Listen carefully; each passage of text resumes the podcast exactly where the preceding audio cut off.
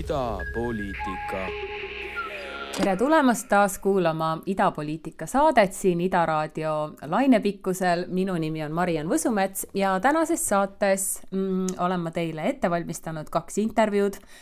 millest esimese ma tegin Lissabonis, Portugalis ühe imetoreda pere juures koos siis Hetlin Villa Kniinepuuga, kus me räägime nende pere kolimisest Lissaboni juba kolm aastat tagasi mida tähendab elada äh, noore naisena, nelja lapse emana sellises võrdlemisi patriarhaalses, patriarhaalses Portugali ühiskonnas, aga ka sellest, ähm, miks on suur Eesti pere Lissabonis elades võtnud vastu ähm, Ukraina sõjapõgenikud oma koju. muidugi me teame, miks, aga sellest, kuidasmoodi nende elu sellise rütmi all toimib, me saamegi kohe Hetliniga rääkida ja pärast, pärast intervjuud Hetliniga jätkame me Piret Karroga, kellega me alustasime eelmises saates tema Vikerkaares ilmunud artikli ja uurimistöö najal, mis siis kaardistas sada viiskümmend aastat Eesti feminismi. ma olen selle saate üle väga uhke, mul on suur hea meel ja ma tunnen väga, tunnen ennast äh, mul on hea meel, et ma saan teieni tuua need kaks väga-väga erilist intervjuud ja kaks väga erilist äh,, erilist naist küll väga erinevatel teemadel, aga aga kattuvusi on kindlasti ka. ma soovin head kuulamist ja kui idapoliitika on saade, mida sa oled juba mõnda aega kuulanud või alles äsja avastanud, siis kindlasti anna sellest äh, teada sotsiaalmeedias, jaga seda saadet ja idapoliitikal on Facebookis ka oma leht, kus sa saad siis äh, kursis olla kõikide uute saadetega, nii minu äh, kui Mats Kuuskemaa sulest, aga ka nende saadetega, mida me teeme koos. ma soovin sulle head kuulamist idapoliitika. ja mul on väga-väga hea meel öelda tere oma intervjueeritavale Hetlin Villak Niinepuule, kes on minu endine kolleeg Kanal kahest, endine teleajakirjanik, aga ka praegu ajakirjandusmaastikul tegutsev inimene ja Eestiga väga seotud inimene, olgugi et seda intervjuud teeme me Lissabonis, Portugalis, kus Hetlin on elanud juba viimased kolm aastat, viimased kolm aastat ja selleks, et saada mingitki heliisolatsiooni, istume me praegu Hetlini peagi nelja-aastaseks saava tütre printsessi voodis. see tuba on vooderdatud ilusate printsessi kleitidega, mis tekitab suurepärase helistuudio atmosfääri. meil on siin pea kohal selline ilus tüll ja me istume siis ähm, teki peal, mis on inspireeritud Frozeni multifilmist. Hetlin, tere! tere, Mariann! ma olen nädal aega teil olnud külas ja ma olen ma ei, ma ei teagi, kust otsast ma, ma, ma, ma parem ei hakkagi liiga sentimentaalseks minema, aga ütleme siis niimoodi, et ma olen täiesti pahviks löödud sellest, kui äh, kui imeline pere sul on ja lisaks sellele, et sul on äh, kuueliikmeline pere, majutate te siin oma Lissaboni vanalinna korteris ka Ukraina sõjapõgenikke. kuidas, äh, kuidas nemad teie juurde sattusid? no äh, kõige banaalsemalt öeldes nad tulid autoga Mm. aga noh, tegelikult äh, kuidas nad meie juurde sattusid, oli see, et äh, mu abikaasa ilma minu teadmata pani siis meid äh, ühte nimekirja, kus äh,, kus on Lissaboni ja, ja Portugali kodupakkujad äh, sõjapõgenikele siis just. ja, ja ta hoiatas mind umbes äh, päev ette, et ta sellise koerustükiga hakkama sai, et ega mul selle vastu midagi ei ole, noh mul ei ole selle vastu mitte midagi, et eks ta sellepärast seda tegi, sest ta ka teadis, et et see on minu poolt täiesti okei okay,, okei okay asi. ja siis jah, kolmeteistkümnenda märtsi hommikul me saime telefonikõne meie siis nagu vahenduskontaktilt, kes küsis, et kas me saaksime enda kodus majutada kahte inimest, ühte vanemat abielupaari muidugi me võtsime nad vastu ja kui mu abikaasa läks äh, parklasse siis nendega kohtuma, siis ta suhteliselt kiiresti, äh, ma enam ei mäleta, kas ta helistas või saatis mulle sõnumi, et, et kuule, et neid inimesi on neli ja lisaks on veel kass. et äh, mis me nüüd teeme? ja noh, see võib-olla nagu kümme sekundit me pidasime aru, et mis me siis nüüd teeme ja, ja nii nad siis maandusid siia meie, meie koju Teile pidi saabuma kaks sõjapõgenikku Ukrainast, teile saabus neli ja koduloom. Ehm, teie juures elab siin praegu püsivalt oma toas elab äh, Svetlana oma kümneaastase tütre Liisaga ja teie juures käib ka Ljuda, kelle mees Vova on siis hetkel Poolas, ma saan aru, jah? kuidasmoodi nad teie peresse integreerunud on ja kui suurena näed sa sellist, ähm, mis sinu selline nii-öelda maailmavaateline või kodanikukohustuslik selline tunne selle otsuse taga oli, et äh, sa räägid sellest, nagu see oleks maailma kõige enesestmõistetav asi, aga me tuleme sinuga, Hetlin, mõlemad Eestist, sellisest pigem kuigi Eesti, ma ei ütle, Eesti on suurepäraselt ja palju ja imeliselt aidanud äh, erinevate vahenditega, aga, aga see ei ole ikkagi päris nagu tavaline, et sa teed oma suure pere koduuksed lahti veel neljale inimesele. mis selle, mis sinu selline nagu enda väärtusruum on, mis, mis sind selle otsuse pani tegema kümne sekundiga ja, ja üldse? ma arvan, et, äh, et see ongi see, et äh, peamine asi, millele ma, ma selle otsuse juures mõtlesin, oli see, et kui meie endaga peaks kunagi juhtuma selline olukord, et meil on vaja kodust põgeneda, meil on vaja minna kuskile kaugele, kus me ei tunne kedagi, et siis seal kuskil oleks keegi, kes võtaks meid samamoodi vastu. Et et me oleme üritanud kogu oma sellise koos eksisteerimise aja just selle järgi talitada, et et sa pead olema lahke ja, ja sa pead mõtlema ka teiste inimeste peale, et kui sul vähegi midagi on anda, siis anna. et, et noh, meil küll võib-olla ei ole nagu endal ka ülemäära palju, et me ei, ei suple siin äh, miljardites nagu võib-olla härrad Abramo, Abramovitšid ja, ja nii mhm, edasi, eks ole mm. -hmm aga, aga kui natukene midagi üle on, siis miks mitte jagada seda kellegagi, kellel on seda parasjagu natuke rohkem vaja kui endal. absoluutselt, absoluutselt. räägime Portugali elust laiemalt ka, kuidasmoodi sa, kasvatad siin, te ka abikaasaga koos kasvatate nelja last, nad käivad koolis, lasteaias siin, kõige väiksem pole veel üheaastanegi, et et selliseid nõudmisi ja selliseid igapäeva väljakutseid on, on väga palju, kuidasmoodi Portugali elukvaliteet ja üldine mentaliteet sellele kaasa aitab ja, ja mille poolest ta erineb Eestist? Võib-olla üks suuremaid erinevusi on, on, kuigi inimesed on väga sarnased ja kuigi ajalugu on üsna sarnane ja sellist kannatust on, on nagu nii Eestis kui Portugalis olnud, siis ja noh, mõlemad on väikesed riigid. et kuigi võib mõelda, et jah, et Portugalis elab küll kümme miljonit inimest, aga ta on ikkagi väike riik, et et sellist väikeriigi mentaliteeti on, aga samas on inimesed siin sõbralikumad ja, ja võrreldes, ütleme, Eestis äh, lastesse suhtumist võõraste poolt ja võrreldes Portugalis lastesse suhtumist võõraste poolt, siis äh, see on nagu öö ja päev mm. et äh, Portugalis on sul vaja bussi minna lapsega, on sul vaja rongi minna, on sul vaja trepist alla minna vankriga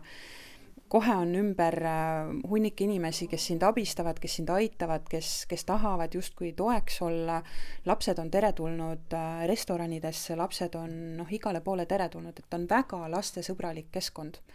kui, kui noh, Eestis, eks ole, mul oli üsna palju selliseid mitte just kõige paremaid kogemusi. -hmm. et kus sa ikkagi tunned, et, et sa oled oma selle äh, käruga üksi jäetud keset äh, lumevalle ja vaata ise, kuidas sa sinna bussi saad, et, et noh, kuidagi nagu sellised väikesed asjad, mis lõpuks teevad äh, selle suure pildi nagu kuidagi nagu heledamaks ja päikelis-, päikeselisemaks mm. -hmm. Hetlin, räägime poliitikast ka, ma tean, et poliitika on teie kodus ikkagi ka ikkagi ka nagu igapäevaselt teemas ja te jälgite, mis toimub Eestis ja te jälgite ka, mis toimub Portugalis mm kuidas sulle Eesti siit Euroopa teisest äh, nurgast äh, praegu paistab? kibestunud ja kuri Kon. konkreetne vastus, aga laienda seda natuke uh,. noh, see, seda ongi nagu nii kurb vaadata, et, et kuigi, kuigi see üks tore, tore onude erakond, eks ole, kes uh, ei ole küll hetkel võimul ja, ja noh, loodetavasti sinna ei saa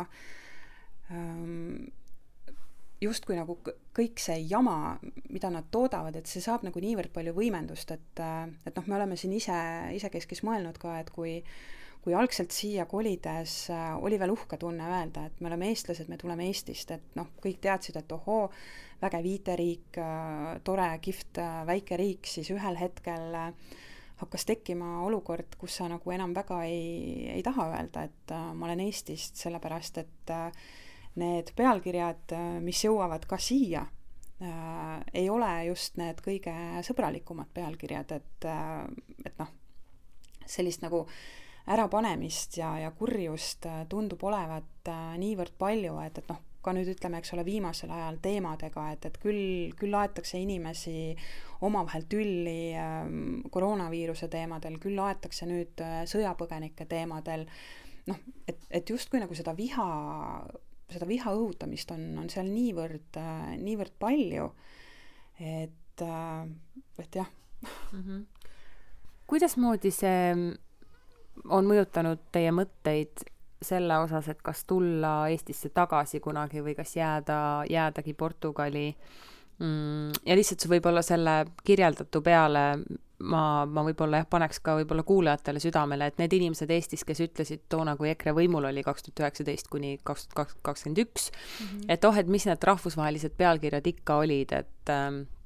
et noh, kes see neid ikka loeb ja, ja loeb küll ja, ja võin ka ise öelda, kes ma resideerun Londonis, et, et sageli välismaal elavate eestlaste jaoks see ongi ainuke kuvand, ongi see pealkiri seal meedias.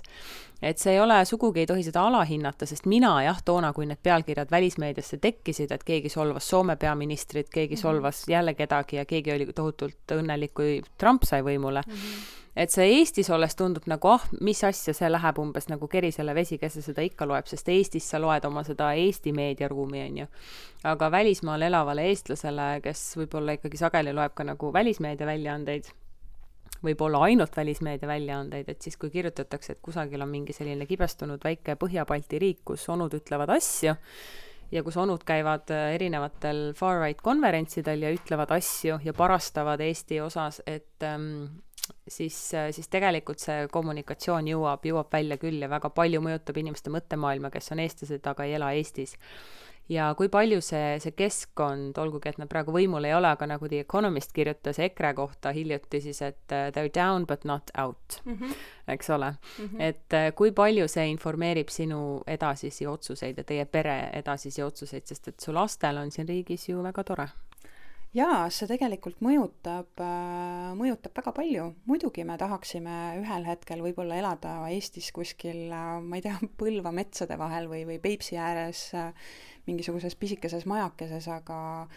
aga praegu, nagu me kodus ütleme, siis praegu on Eesti tore koht, kus omada kinnisvara ja sõpradel ja perel külas käia, et no lihtsalt, lihtsalt see on nii, et et ei taha seal praegu elada, ei taha oma lapsi seal kasvatada, ei, ei taha kõige selle kurjusega tegeleda, kui mul on võimalik olla kuskil tuhandete kilomeetrite kaugusel ja, ja mitte stressata mingisuguse lolluse pärast, noh, mida mingi perekond, kes võib-olla armastab sefiiritorti, eks ole, noh, mhm. pidevalt kuskil ütleb, et, et mhm. ja, ja noh, need ütlused, need jõuavad siia, need inimesed, kes elavad siin teised rahvul, rahvusvahelised inimesed, et äh, nad loevad seda kõike ja, ja, ja seda kõike ju noh, ka omistatakse siis nagu suuremale osale Eestist, suuremale osale eestlastest, mis on väga kurb, sest äh, noh, meie enda tutvusringkonnas on ju samamoodi inimesi, kes, kes on selle erakonna valijad, kes äh, noh, siis nüüd tõena kuulutavad nagu seda nende juttu, aga kes on väga, väga haritud, väga justkui nagu muidu väga normaalse maailmapildiga inimesed, et, et aga siis sa nagu vaatadki, et kuidas juhtuvad need asjad, et, et normaalsed inimesed muutuvad kurjaks ja, ja muutuvad nagu mitte veel pahatahtlikuks, aga, aga nagu sinna suunda, et mm, -hmm. et selline nagu ärapanemise mentaliteet Eestis on, on, on nagu kahetsusväärselt äh, levinud jah, kui varem oli häbiasi olla loll ja seda tunnistada, siis nüüd on see julgustus olemas, et olla loll mhm. ja selle üle ka uhke olla ja seda kõigile kuulutada, on, on justkui nagu okei okay. mm. -hmm kuidasmoodi, räägime sellisest praktilisest küljest ka, et kuidasmoodi igasse teise riiki kolimine on, on, on raske ja on see, on raske nii üksinda, aga see on kindlasti palju rohkem väljakutseid täis, kui tulla terve perega. kui kaua teil aega läks, et omale siin selles mõttes jalad alla saada ähm, ja, ja nagu selliseks äh, nii-öelda siia ühiskonda noh, kuidagi tunda, et, et teil on siin selline oma koht ja, ja integreeruda ja, ja pidada seda, hakata seda oma koduks pidama. ja võib-olla ma lisaks sellise praktilise soovi mingite praktiliste klauslite järgi ka siia, et mida soovitada inimestele, kes võib-olla mõtlevad ka, et et on pere, et Ida raadios saadet ja idapoliitikat kuulavad inimesed vanuses kuusteist kuni nelikümmend viis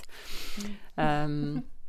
kellel võib-olla juba on ka lapsed ja mõtlevad, et seal, mõtlevad, et lapsed ja koolid ja lasteaiad on, on suur takistus, et, et kolida Eestist ära, olgugi et tahe võib-olla oleks, et ähm, kuidas teil läks ja, ja mis on need õppetunnid, mida võib-olla teistel oleks kasulik kõrva taha panna?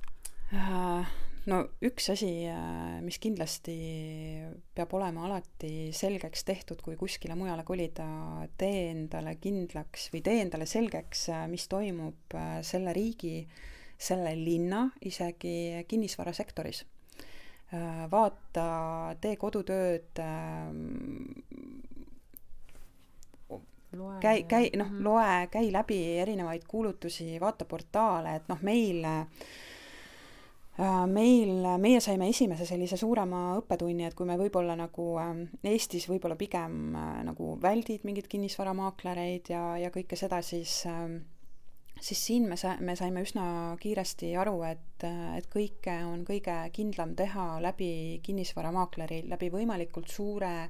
ettevõtte, mis on rahvusvaheliselt tuntud, sest seda väiksem on võimalus saada petta. et, et noh, meie ju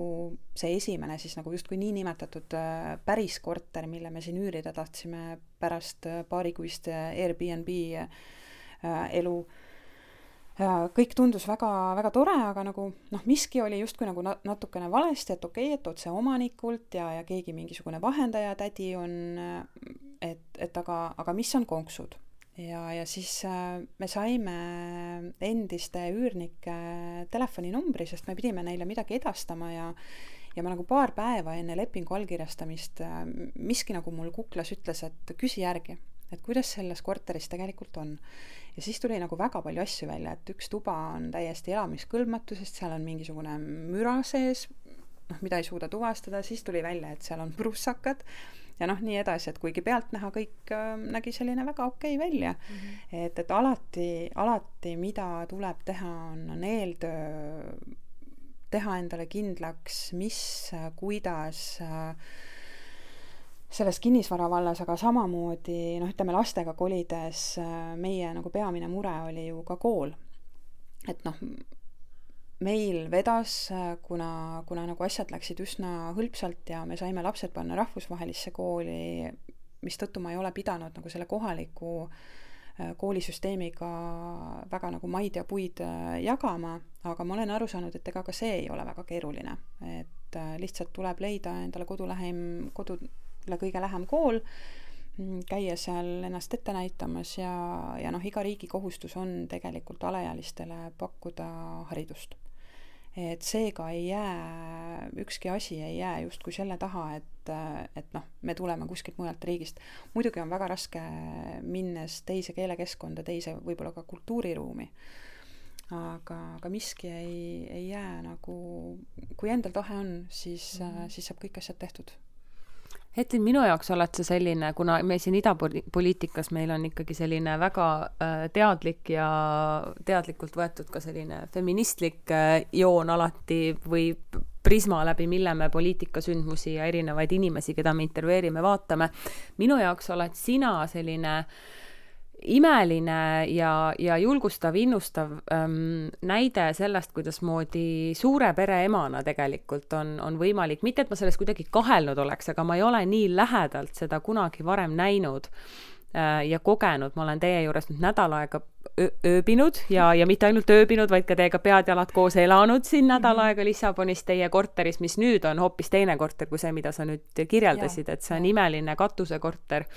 viie magamistoa ja, ja tohutu köögi ja tohutu elutoaga, et olgu öeldud, et noh, elame hästi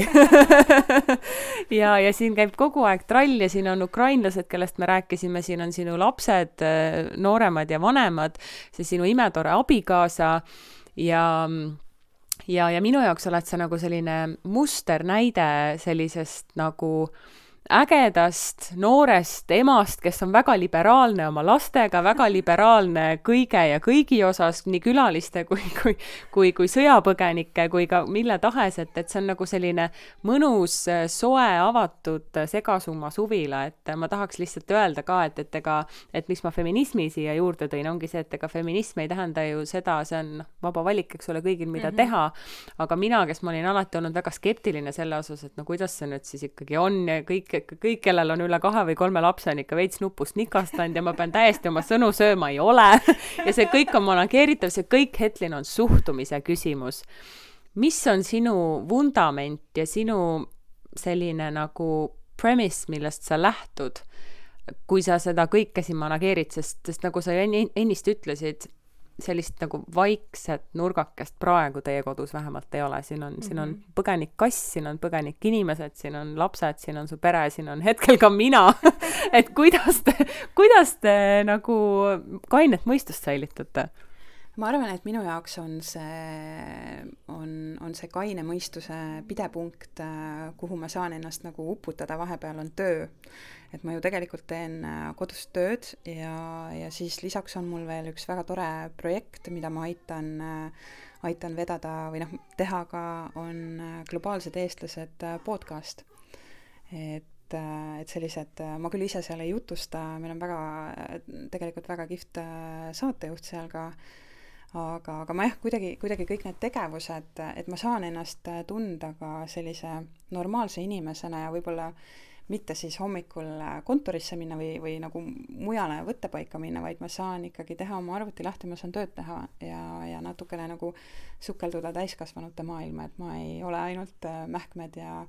ja, ja nagu siin meie me üürime seda korterit, äh, nagu meie omanik äh, armastab äh, öelda, et alati, kui on mõni, mingisugused olulisemad või tõsisemad teemad, siis ta, siis ta tuleb meie juurde, kui ma olen parasjagu üksi kodus või lastega kodus, siis ta küsib alati niisugune väga au, aupaklikult, et uh, is Mr David at home? Ja kui ma ütlen, et no, et noh, et Mr David on praegu nagu tööl või tal on koosolek või midagi, siis ta ütleb alati, et ahah, okei okay,, et ta ei hakka mind tülitama nagu oluliste asjadega, sellepärast et noh, minu koht on, on kasvatada lapsi ja minu koht on, on olla köögis, et selline tõeline nagu äh, tõeline lõunamaa patriarhaat. absoluutselt ja, ja et, et see, see on nagu väga-väga huvitav olnud, et mu abikaasa on ka rääkinud talle, et noh, et tegelikult te võite mu naisele nagu rääkida asju, et ta ka otsustab ikkagi noh, nagu väga palju, et äh, et, et noh, nagu mina alati naeran, et ta ei tea, et meie, meie peres on püksid on naise jalas, on ju. Mhm. kuigi ei, meil, meil on võrdselt, võrdselt. mõlemal on püksid. just, absoluutselt. jätkub kõigile. jaa, et meil, meil on kõigil on pükse ja kleite ja seelikuid, et, et jah et, et aga jah, selline, sellist huvitavat nagu kombot lööb, lööb vahepeal vahele ja siis ma nagu tunnengi, et töö on, on see minu, minu majakas mm. -hmm. jah, sa tõid ise juba väga huvitavalt sisse selle, kuigi, kuigi see on nagu nii ähm,, nii eestlaslik ja nii nagu tammsaarelik ähm, mentaliteet või arusaam ka, et, et noh, et kui mul on nagu muud lained löövad üle pea kokku, siis ma lähen teen tööd mitte ei võta aega, et puhata. et ma ise just olen viimasel ajal sellist ähm, seda seda nagu hoiakut üritanud rohkem võtta, et tead, kui mul on tunne, et ma tahan lakke vahtida, sest ma pean või ma tahaks oma silmad sulgeda viieks kuni kümneks mm -hmm. päevaks, siis järelikult see on häirekell mm. -hmm. aga, aga, aga ma mõistan ka seda, sest töö tegelikult, eriti kui sul on nauditav töö, siis see pakub sellist väljapääsu ja võimalust ennast välja lülitada. aga, aga ma tean ja mis on üks asi, mida mina olen sinult väga palju õppinud selle nädala jooksul, on see, et ei tasu ma nüüd kirjeldan ennast kui võib-olla mingit hüsteerikut, kes ma tegelikult ei ole, aga ei tasu iga asja peale minna närvi, Hetlin, kuidas sa suudad seda? ma veel kord kordan, kes siiamaani oma kõrvu ei suuda uskuda, me räägime perest, kus on neli last vanuses üks kuni seitseteist, kaks Ukraina sõjapõgenikku, üks kass mm -hmm. ja antud nädalal siis ka üks nagu noh, külaline on ju, et kuidas mitte minna närvi, kuidas sa suudad seda, kuigi mulle tundub, et sa oled kogu aeg selline olnud jah, ma ei, ma ei teagi, ma ei oska sellele mingit sellist nagu äh, vettpidavat retsepti anda, eks ma, eks mul ikka teinekord äh, lendab ka see gaas pealt äh,, pealt ära, aga aga see ongi kuidagi äh,, kuidagi nagu selline noh, kui su ümber toimub väga palju asju, siis sa pead oskama ennast välja lülitada sellest kõigest, sa pead oskama nagu kõrvad sulgeda, et äh, ma, ma, ma olen muidu inimene, kes, äh, ma ei kasuta kõrvaklappe. aga ma naeran, et mul on justkui nagu sellised looduslikud kõrvaklapid, et, et mu, mu kuulmine sulgub ja siis see, see kisa, mis mu ümber on või need mingid asjad, mis mu ümber on, et, et noh, see on paratamatus, mis, mis juhtub ja ma lihtsalt pean selle sees eksisteerima, sest kui ma ei suudaks seda teha, noh siis me räägiks sinuga ilmselt äh, kuskilt äh, teisest äh, asutusest ja roosa kleidi asemel oleks mul seljas valge väga pikkade varrukatega muu asi muu asi. kuidasmoodi ma, sa mainisid jah, seda huvitavat, seda, seda Mr Davidi approach'i, mis ma tean, teeb ka su abikaasale, siis Mr Davidile endale väga palju nalja. aga, aga see on katoliiklik äh, Lõuna-Euroopa riik, eks ole, Portugal, et, et siin on sellist huvitavat kui nii võib öelda, sellist heatahtlikku patriarhaadi hõngu ikkagi tegelikult igal sammul, et et noh, naistel on nagu teatud, teatud koht ja teatud roll ja nende suhtes on teatud hoiak, on ju, aga see on nii veider, et ma ei taju, et see, kuigi noh, patriarhaat iseenesest juba mm -hmm. ei ole nagu miski, mida õigustada, aga ma tajun, et see on nagu nii läbi imbunud siinsetest lõunamaa inimestest, et, et see ei ole nagu justkui pahatahtlik, vaid see on justkui nagu arusaam, et see looduse ja Jumala poolt ongi nii seatud, et meil on sellised väga konkreetsed rollid, mis siis muuhulgas nagu kätkeb endas ka seda, et noh, meeste roll on asju otsustada mm -hmm. ja mhm. naiste roll ei ole seda mitte mm. -hmm too mõni selline igapäevane huvitav näide veel a la kategoorias, kas Mr David on kohal, et talle rääkida olulisi asju? no si-, siin ongi olnud äh, meil äh,, meil oli äh, meil siin paar kuud tagasi oli remont äh, kodus, oli, oli vaja puurida paar auku äh, või noh, siis ütleme, üks väga suur auk lakke, et, et teha ka nagu teine korrus äh, meile kättesaadavaks ja, ja siis selle kõige juures noh, käiski see meie, meie siis nagu omanik äh, tuli nagu ühe korra, et noh, et, et noh, et kas ikkagi Mr David on kodus, et me tahaks nagu arutada temaga, et kuhu see auk siis täpsemalt siia lakke peaks tulema ja siis ma ütlesin, et ei, et aga mina olen kodus ja mina ütlen, kuhu see auk, auk nagu tuleb, et lähme arutame siis seda asja. ei, ei, et noh, et ikkagi noh, Mr David ja Mr David on ju, ja, ja noh, lõpuks siis see Mr David tuli ja ütles, et noh, et teeme siis selle augu siia, et kus nagu abikaasa ütles, et noh, teeme siis on ju.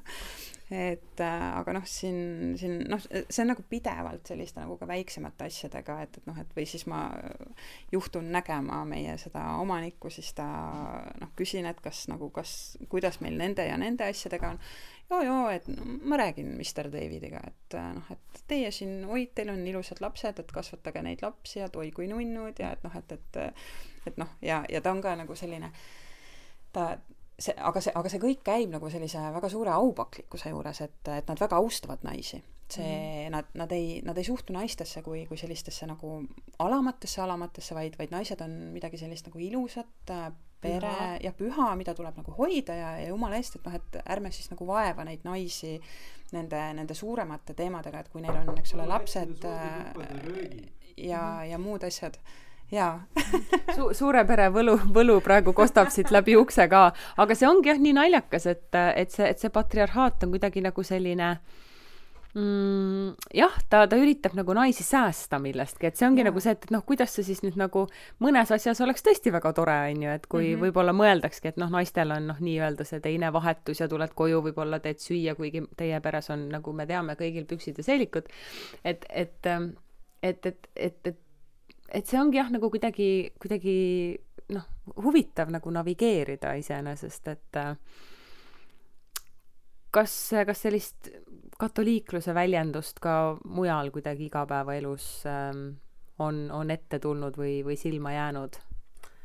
ähm.? noh, eks ta, eks ta selles suhtes siin ikkagi, ikkagi jääb, jääb silma või, või kuidagi hakkab silma, sest äh, nad on tõesti väga usklikud nad äh,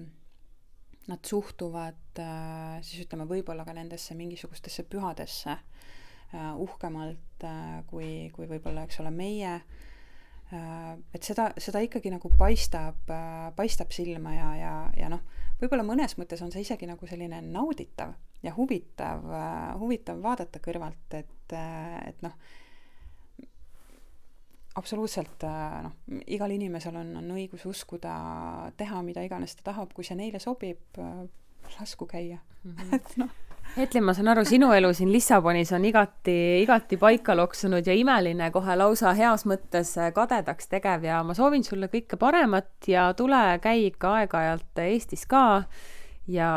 ja kõik onud ei ole nii kurjad, jah? kõik onud, ma ei, ma ei tea, ma ei ole ise ka praegu mõnda aega käinud, aga ma tahaks loota, et ei ole. Ja, ja selles mõttes on väga tore, et sa ikkagi ka Eestis toimuval silma hoiad peal. Ja ma olen siiamaani täiesti lummatud ja, ja, ja imetlen seda, kui, kui, kui suur on teie suure pere külalislahkus ikkagi ka siis Ukrainast tulevate inimeste suhtes, nii et Hetlin, suur aitäh sulle veel kord selle intervjuu eest. ja jah. aitäh. Jah idapoliitika. ja mul on hea meel jätkata vestlust äh, kultuurikriitiku Vabamu kuraatornäituste juhi mm, ja feministliku ähm, ajaloo dokumenteerija Piret Karroga. see vestlus jäi meil eelmises Ida raadio saates pooleli, me oleme jõudnud oma Eesti feminismi teemalise intervjuuga siis äh, tänapäeva ja nagu ma lubasin eelmise saate lõpus, me jätkame sellest, et kui kaheksandal märtsil, mis on siis teatavasti rahvusvaheline naistepäev kaks tuhat kakskümmend kolm, me saame Vabamus ka näha siis äh, näitust, mis on nii-öelda edasiare-, noh, mitte edasiarendus, aga ilmselt selline nagu paralleel ja, ja tõukub sellest, et siis sada viiskümmend aastat Eesti feminismi ajalugu sai sinu poolt äh, dokumenteeritud. äh, Äh, viimases siis aprillis ilmunud Vikerkaare ajakirjas. kui palju, siin on aasta aega veel aega, aga millest, mida me seal näitusel näha saame, kas on mingisugused, mingid eksponaadid, mingid tööd juba teada, mis seal kindlasti saavad olema, millest sa saad näiteks täna juba rääkida? Äh, noh, tere taas kõigile rõõm on äh, edasi rääkida äh, ei ole kusjuures hetkel veel kindel, kindlat asja, mida, millest ma saaksin sulle rääkida äh,. see näitus on selline, ühesõnaga, et kui see artikkel, eks ju, on sada viiskümmend aastat ja niisugune pigem kronoloogiline järjestus siis selle näitusega ma tahaksin võtta selle võimaluse, et nagu kuidagi selle materjali juurde tagasi minna ja see asi nagu uuesti läbi mõelda ja mõelda välja mingisugused fookuspunktid, mis tingimata ei pea olema siis nagu need ajastute järgi kronoloogilises järjekorras, vaid võib-olla hoopis mingisugused küsimused, mis on olulised nii tänapäeval kui varasematel ajastutel ja kuidas siis neid omal ajal lahendati. et ta on nagu niisugune uus võimalus nagu läbi mõtestada kogu see ajalugu. Aga ta on ikkagi ajaloonäitus, võib-olla rohkem kunsti, kaasaegse kunsti mingisuguste vahenditega. et äh, kuna selle naislikumiste ajaloo puhul on see, et äh, ta on nii nagu noh, et me, me loome seda jooksvalt, kui me, mina praegu, ju, kirjutan või teen näitust või, või kõik teised inimesed, kes nende teemadega tegelevad, siis me nagu alles praegu jooksvalt loome, loome seda aja, ajalookirjutust et ma näiteks tahan minna Kumu kogu, kaasaegse kunsti kogudesse ja ajaloomuuseumi kogudesse ja võib-olla isegi Vabamu kogudest miskit äh, relevantset äh, jääks silma äh,. mille kaudu, mis, mis võiksid siis olla need killukesed, mille kaudu nagu hakata põimima ja lahti kuidagi harutama kogu seda ajalugu. et ma, üks päev tuli pähe, et mul on üks sihuke Kreenholmi streigi mingi viiekümnendatel välja antud sihuke raamat Nõukogude ajast Kreenholmi streik oli siis tuhande kaheksasaja seitsmekümne teisel aastal äh, toimunud äh, ülenarvaline tööliste tööseisak nagu kohutavate töötingimuste vastu, mis oli ka Tsaari-Venemaal üks suuri esimesi ja nagu andis hoogu mingile streigilainele. ja siis seal on niisugune lehekülg, kus on nagu fotod. Äh, üks esimene foto on barakkide elutingimused üheksateistkümnenda sajandi lõpus, mis on hästi kohutav foto ja selle all on üks maal mille nimi, autor on siis vist Ivan Kotlevski, selle nimi on äh, Koidula vastu. Äh, Amalia Kreisberg kutsub töölisi võitlema. kes oli Amalia Kreisberg, lugege artiklist. aga ta on selline maailm, mille jälgi ma ei suutnud kuskilt tuvastada, ma küsisin Narva muuseumi koguhoidjate käest ja, ja teiste Narvaga seotud inimeste käest, et kas see maailm võiks kuskil veel alles olla, sellepärast et on niisugune täielik nagu naised nagu barrikaadidel äh, Prantsuse revolutsiooni vaimus äh, tehtud kompa ja see naine on täpselt see, see Marianne või kes see prantsuse naine oligi. Äh, aga tegelikult on ta Maili Kreisberg, kes on nagu ajalooline tegelane Narvas ja sihuke revolutsiooni juht. et see on nagu hästi huvitav paralleel, mis on toodud. jah, aga kuna ma seda maali siiani pole tuvastanud, võib-olla mul õnnestub see üles leida, kui see ei ole nagu maamunalt hävinud selleks näituseks ähm,. siis minu meelest on see nii mõnus mõnusalt kõnekas, et see tehase töölisest streigi eestvedaja, mingisugune vahetusvanem, kes seal oli, see Amalia. et äh, tema, teda on nagu tõesti sellist John Darki äh, vibe'is nagu maalitud äh, sügaval nõukogude ajal mm. -hmm. eks see kõneleb, ütleb meile midagi üldse nii nõukogude aja kohta kui tema kohta kui mingi globaalse revolutsiooni ja sümbo-, sümbolistika ajaloo kohta mm. -hmm ma lo-, ma loodan, et sa saad, ma loodan, et sa saad äh, käpa peale sellele. Äh, mida, kui sa ütled, et kaasaegse kunstivahenditega näitus, kas see saab olema näitus, kuhu ajaloonäitus on mõnes mõttes natuke võib-olla erinev, et, et, et kui palju sinna kaasatakse sellist nii-öelda kas te kutsute sinna kunstnikke osalema, kui palju on selline ajal, ajaloo dokumenteerimine ja kui palju on selline vaba loominguline interpretatsioon sellest ajast, et kas ta saab olema sümbioos mõlemast, faktiline ja, ja, ja selline fiktsionaalne loominguline. ma üritan lihtsalt selle näituse sellisest olemusest mingisugust aimu saada, et mida oodata või mida te plaanite näiteks, sest aasta jooksul kindlasti väga palju veel muutub, aga mis see nagu selline äh, lähtepunkt on noh, kõiki asju ma ei taha välja rääkida, sest et enne, kuidas see on, et enne tuleb muneda ja siis kaagutada mm -hmm. alles. aga äh,. mis see, mis see lootus on, mis, mis see, mis see lootus või selline nagu lähtepunkt on ja? üks, no üks lootus on see, et, et praegu, eks ju, feminismi mõtestatakse justkui see oleks mingi niši küsimus ja ma tahaks hullult teha niisugust rahvanäitust, niisugust populistlikku rahvanäitust, kuhu tulevad kõik kohad, inimesed kohale mingist äh, Võrust äh, Paldiskini ja toovad oma lapsed ka ja vanaemad ka, et kuidagi see feminismi nišistatus, seda natuke murendada. see on väga, väga kõrge ambitsioon muidugi, aga see, miks seda asja teha nagu kunstilis, kunsti, kaasaegse kunstitöölistega natuke on ka selles asi, et see annab vabamad käed lihtsalt näituse loomisel ja sellel, et ma, mul ei ole nagu vitriininäitus, kus on nagu vitriini all mingid järjest mingid vanad raamatud ja mingid esemed. mis ei ole üldse paha näitus, teinekord siuksed näitused on ka väga huvitavad, aga ja kindlasti sinna võib, noh, sinna võib, võib mingit vitriinikraami tulla. aga jah, et ma kuidagi tahaks teha niisugust esteetiliselt mõjusat, kõnekat, mõnusat, totaalset keskkonda, mis nagu äh, üks viis, kuidas ma olen seda kirjeldanud, on Tiina Kirsi sõnadega, et Tiina Kirss on kirjutanud, et äh, me ei ole, me ei ole mingisugune teiste poolt esitatud naisküsimus, vaid me oleme naised, kes esitavad küsimusi mm. -hmm. ja siis ta võikski sihuke, et tahakski natuke seda poliitilist agentsust nagu seda tekki enda peale tagasi tõmmata naisena või noh, nais, naistena ühiskonnas. Äh, ja teiseks ta võiks sihuke mõnus pehme ruum olla, kus sa tuled ja arvad, sul on mugav, aga siis sult, sinu käest hakatakse mingeid küsimusi küsima. aga ma ei tea ühesõnaga, et äh, seal on siuksed paljud sellised äh, pingekohad või mingid äh, kohad, kus seda tasakaalu levelit nagu mingi ühe või teise nüansi suunas osata viia, et see ongi selle aasta, järgmise aasta ülesanne, et see näitus niimoodi valmis teha, et ta kõnetaks nagu igasuguseid inimesi, igasuguseid sihtgruppe, aga samal ajal ähm, oleks huvitav ikkagi mm. -hmm. ja jah, mingi mõte oli, aga kadus. äkki tuleb tagasi, tuleme natukene, kui me katsime niimoodi hüplikult küll, aga nõukogude aega ja ärkamisaega eelmises saates siis äh, lesbiliikumine ja üheksakümnendad ja isegi tegelikult kaheksakümnendate lõpp juba mm. -hmm. Ähm, Eestis selline teise laine feminism sellisel kujul, nagu me seda läänemaailmas nägime, jäi suures osas ära. Äh, ja sellised kultuspersoonid ja, ja sellised ägedad popkultuuri tegelased, kes ähm, nii-öelda võib-olla mainstream istasid feminismi mingisuguses sellises väga apetiitses võtmes, et sellist asja Eestis ei nähtud ja me pidime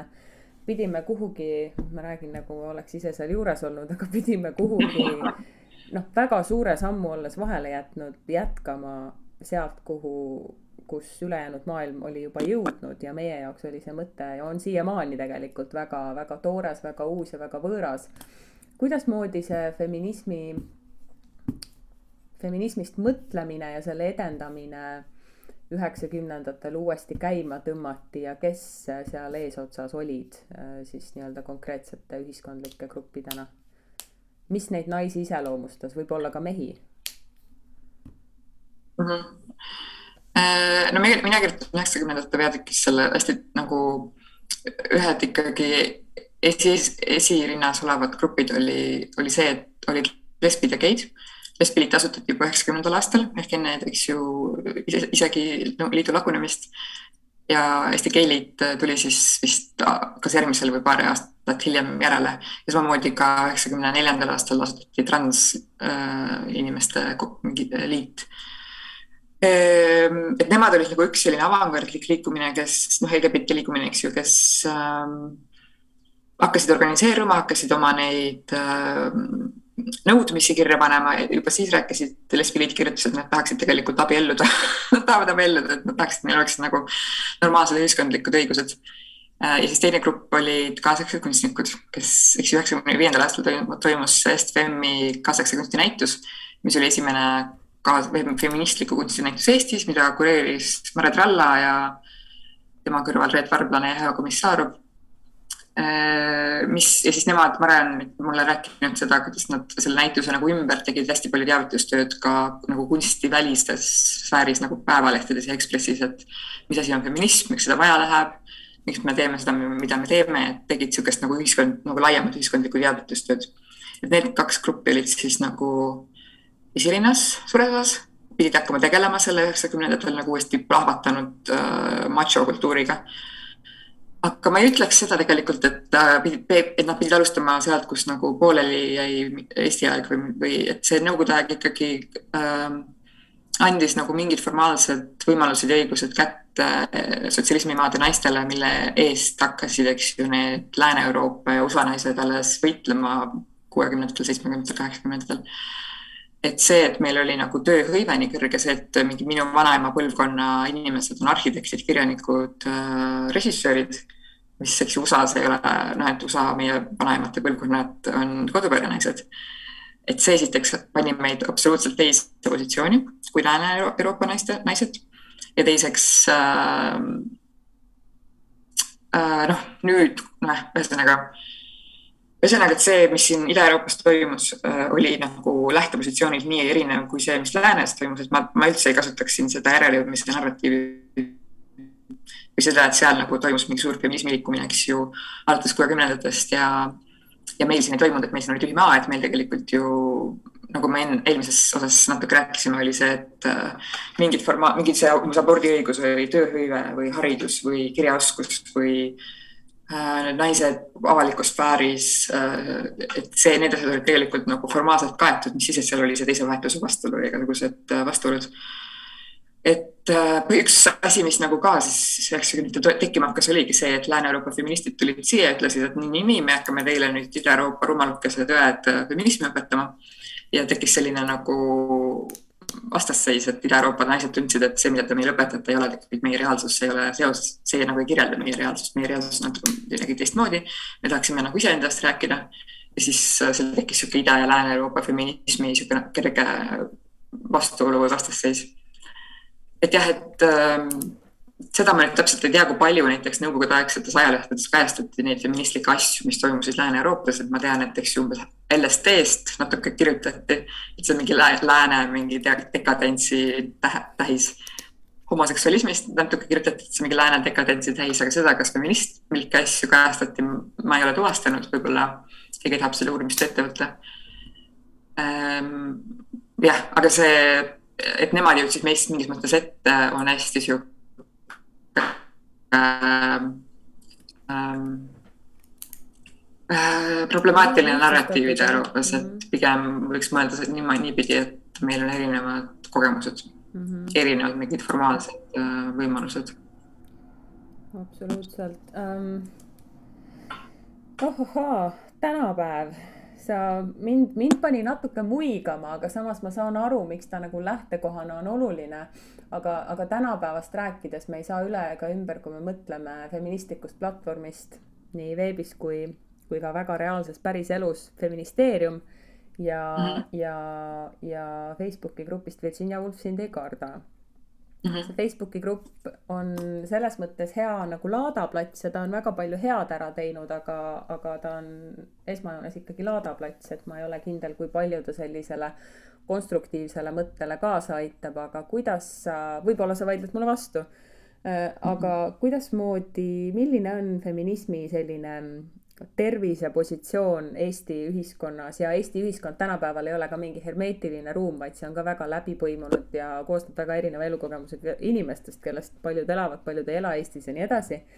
ja, ja ka see inforuum ei ole Eestis piiratud, et mingit sellist äh, inkubaatori Eesti feminismi mõistagi pole olemas, aga, aga kuidas meie feminismil läheb, et sa mainisid, et kui näitusega on eesmärk sellist niši staatust murendada, siis kus kohas see feminism seal niši spekt-, niši spektril või skaalal hetkel, hetkel asub, et on ta endiselt sellis-, selline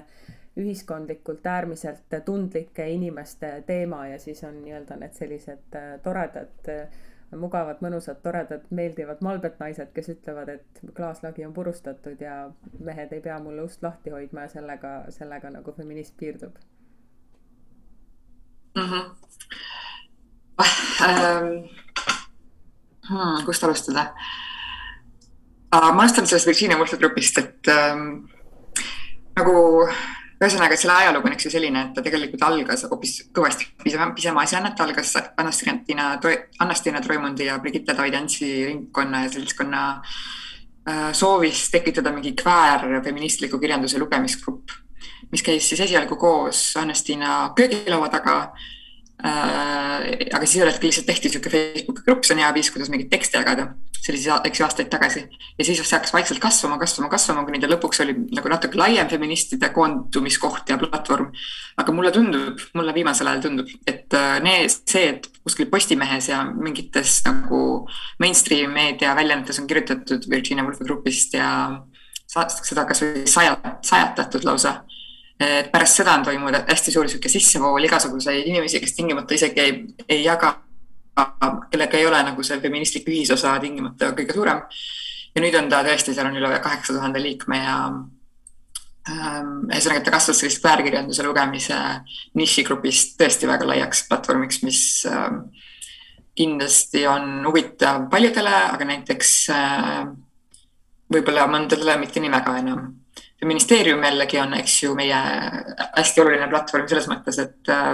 ta, tal on see feministlik sõnastik, ta hoiab nagu eestikeelses äh, inforuumis hästi tugevalt äh, feministlikku häält kostvana, ta seletab ära, mis mingid asjad tähendavad, ta lahkab mingeid konkreetseid probleeme. ta räägib, eks ju, vägivallast, seadustest, vaesusest, igast sündmustest, üritustest, toimu-, mingitest ajaloolistest hetkedest ja nii edasi. Et ta on nagu hästi oluline infoallikas ja Feministeeriumi toimetus, mul on, mul on jäänud mulje, et nad on ka olulised mingid huvikaitsetegelased, et nad äh, mingisugused projektid, milles nad osalevad, on olulised olnud ehm,. ja see on üks asi, mida meie Läti ja Leedu äh, õed kadestavad ütlevad, et nagu mis asja teil on feministeerium siin Eestis, et meil nagu, ma ei kujutaks ettegi, et Leedu on meil seal katoliiklikus riigis oleks selline konkreetselt feminismile pühendatud veebiplatvorm, mis on nii, mis on ka rahastatud ja nii aktiivne. et selles mõttes äh, meil on väga, me oleme nagu õnnega koos, et meil need platvormid olemas on, kus saab nagu konkreetselt feminismi juttu ajada. aga sellest klasslaest, klasslae prustamise juurde jõudes, siis äh, eks ju praegu võib-olla tõesti see kõige valdavam selline feminismi žanr Eestis on pigem niisugune Kaja Kallaslik äh, liberaalne feminism võib-olla niisugune, et äh, olen tubli, töötan palju, saan äh, rikkaks, olen edukas naine, niisugune hästi nagu võib-olla isegi neoliberaalne äh, suund ja seda, et mis oli, eks ju, esimese vabariigi ajal, kus nagu kümned Äh, sajad naised, äh, kes olid ise pärit mingitest jõukatest taludest, oleksid nagu äh, kihutustööd teinud töölisklassi naiste ja vaeste naiste kaitseks, et seda me enam ei näe sellisel pinnal, kuigi paljud noh, noh ministeeriumi paljud mingisugused feministlikud hääled peavad ikka, on vähemalt, vähemalt intersektsionaalsed, kui mitte vasakpoolsed. Siis nagu sellist võrdlust enam tuua ei saa, et meil on niisugune liberaalne feminism on hästi tugevalt sees, mis ikkagi natuke nagu, nagu kui sa oled vaene naine, siis sul ei ole sellega väga midagi pihta hakata, sest et äh, see, et sa, sul oleksid mingid karjäärivõimalused või et keegi ütleb sulle, et tööta lihtsalt rohkem, oled tublim ise, et siis sa saad edukaks ja rikkaks, et see tegelikult ei tööta. See on see Kim, ma ei ole kindel, kas see on Kim Kardashini kvoot ja see on vist esimene kord, kui ma teda kvoodin, aga see on natukene see stop being poor äh, mentaliteet et okei okay, siis. Stop being poor. jah. ja noh, nüüd on meil, Eestis on tegelikult, eks ju nüüdisajaga selline kväärliikumine või kväärkogukond pead tõstnud, et ka see suund on olemas, kuigi noh, ma ei tea, kui laiapõhjaliselt, et mina teadvalt on eks ju oma sellist äh, piiratud vaadet äh, hetkel istun oma Kalamaja korteris olen, eks ju, emakeelega eesti keelt kõnelev kõrgharidusega ilma nähtavate puueteta naine. et mul on kindlasti nagu kõr-, küllaltki priviligeeritud positsioon siin nagu öelda, et mingi feminism on heas seisus. Kuigi tegelikult äh, meil ikkagi perevägivald lokkab, vaesus lokkab,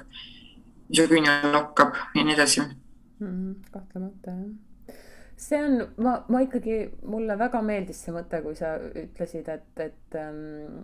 et, et, et võiks nagu feminismi sellisest niši staatusest ja sellisest nagu välja tuua ja, ja kasvõi selle näitusega see ambitsioon teha selline nii-öelda mõnusalt selline rahvalik, muuta see küsimus nagu kõigi küsimuseks, et ma, ma mõtlen oma vanaema pra peale praegu, kes elab Tammsalus ja kellega me lahendasime koos, ma arvan, mingi aasta-paari eest, millalgi, kui oli koroonaaken ja võimalus, me lahendasime feministeeriumi seda, seda ristiku, vihiku ma ei oska rääkida seda ristsõna ühesõnaga, mis iganes selle nimi oli, mingi ristik või, või mingi vihik. Feminismi vihik. Ja mu vanaema võttis nagu väga, vanaema on seitsmekümne ühe aastane, võttis nagu väga hoogu sellest, et ähm, ja temast ärkas ka kohe selline nagu mingisugune selline uhkus, kui ta jõudis siis selle lahendussõnani, mis oli siis, et ähm, tsitaat, et ei loo me siin mingisugust, et ei loo me siin meesteriiki et mu seitsmekümne ühe aastane vanaema, temast tõusis kohe selline töötava naise uhkus, et muidugi ei loo, et pluss ta muidugi väga õnnelik, et ta selle vastuseni oli jõudnud. et ma arvan, et sellised algatused nagu see ristsõna, selle näituse planeerimine, aga kindlasti ka paljud muud, et siin on nagu nii palju seda puutepunkti ja mul on äärmiselt kahju, et see on langenud või tõusnud või kuidagimoodi kukkunud sellisesse niši staatusesse ja lisaks niši staatusele on ka, on tal ka nagu natuke selline nagu mingi ebardi staatus võib-olla ka, et et, et miks peaks endast lugupidav, noh, noh, seda on lihtne nagu ka dramatiseerida, kui taandada feminismi küsimus selleks, et kas naised peaks ennast raseerima või meikima ja kes kellele uks, uksi lahti hoiab, et see on nagu mm. -hmm näed sa, et see võiks lähiaastatel hakata liikuma, sest mida mina näen, on selliste noorte libe-, noorte selliste vasakpoolsete selline väga aktiivne tegevus, kes võib-olla sellist nagu maainimest, töötavat inimest nagu. ma ei näe, et keegi pakuks sellisele inimesele nagu minu vanaema, aga ka loodetavasti temal, temast nooremad naised, ma ei näe, et keegi pakuks ta nagu sellele vanuseklassi naistele hetkel midagi ja lisaks ei oska ka see vanuseklass, ütleme nelikümmend viis pluss, nelikümmend pluss kuni edasi, ei oska nagu ka otsida seda infot. sest on terve elu harjunud läbi mm. saama ilma selleta, et ma ei tea, on see võib-olla liiga ambitsioonikas või naiivne mõelda, et me suudame feminismi kuidagi populariseerida Eestis mingisuguse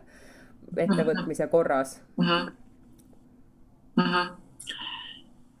Um no see on, eks ju, laiem selle küsimuse, eks ju, see laiendus on see, et kuidas üldse erinevad põlvkonnad omavahel suhtlema panna ja kuidas teha nii, et me õpiksime oma esivanemate kogemustest ise, ja oskaksime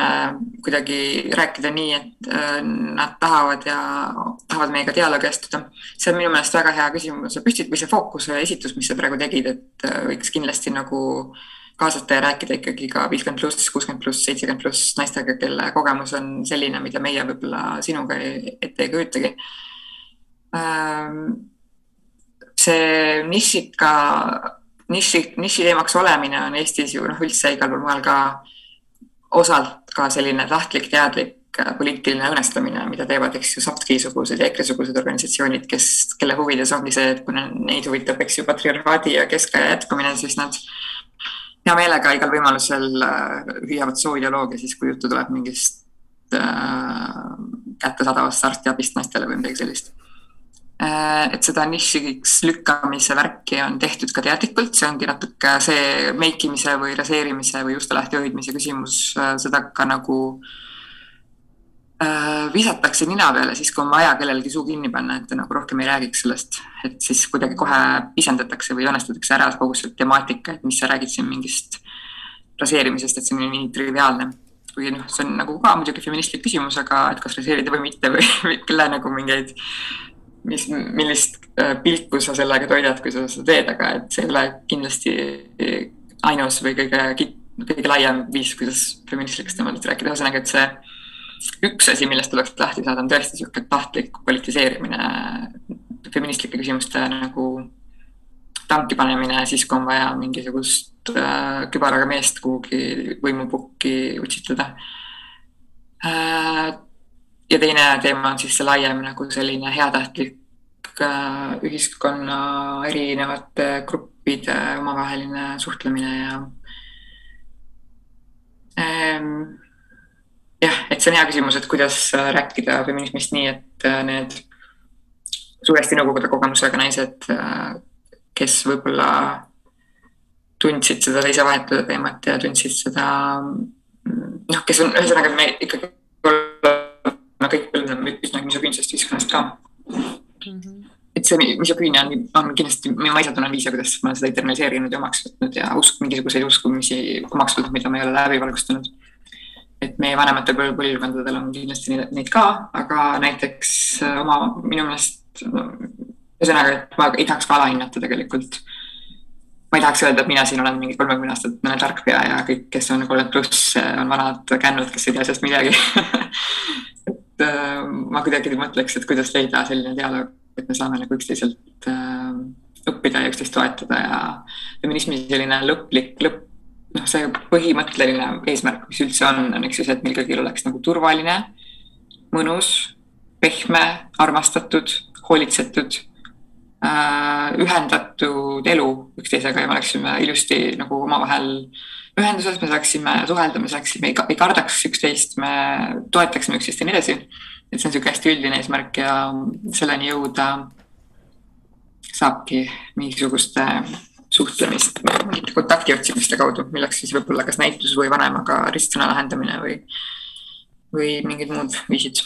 Jah, see on sul väga ilusti öeldud ja ma tahakski kutsuda üles kõiki kuulajaid ka siinkohal, et võtma ette võib-olla selline, selline uudishimulik vestlus, mitte selline dotseeriv, aga uudishimulik vestlus oma, oma ema või vanaemaga ja miks mitte ka mees, meesperega, et mis on nende sellised kogemused võib-olla kindlasti oli selliseid mingisuguseid töökohal tekkinud vaidlusi, pingeid, mis iganes, et, et, et ma arvan, et visake, visake see teema õhku ja väga palju huvitavaid asju võib, võib sealt pudeneda. et tegelikult ma arvan, et ükski naine ei ole pääsenud sellise nii-öelda naiseks olemise ebavõrdsuse kogemisest kunagi. küsimus on see, et kuidas ta sellest mõtleb ja kuidas ta seda enda jaoks põhjendab et need on justkui läheneda sellele teemale oma vanematega läbi uudishimu ja mitte läbi sellise dotseerimise, et ma nüüd tulen sulle kilekotiga feminismi tooma ja ütlema, kuidas sa peaksid tundma. siis ma arvan, et need vestlused võivad väga huvitavad olla, seda enam, et on kevad ja suvi tulemas ja põhjust minna võib-olla ka vanavanemate juurde, kes elavad mujal linnas Piret suur,, suur-suur tänu sulle selle vestluse eest, suur aitäh sulle selle artikli kirjapanemise eest, uurimustöö isegi ma ütleks selle kohta, sada viiskümmend aastat Eesti feminismi ilmus aprillikuu Vikerkaares. Äh,. tasub äh, ajada siis küüned taha ja lugeda läbi see teen täiesti Ida raadios täiesti süüdimatult Vikerkaarele reklaami, ma ei näe mitte mingit põhjust, miks ma seda ei peaks tegema, Ida raadio ei anna välja ühtegi trükist minu teada, nii et minge kõik lugege Vikerkaart ja Piret suur, suur, suur aitäh sulle selle töö tegemise ja, ja, ja jätkuva tegemise eest ja ootame huviga, mida sinu sulest järgmisena äh, lugeda ja näha saab. aitäh ja aitäh saatesse kutsumast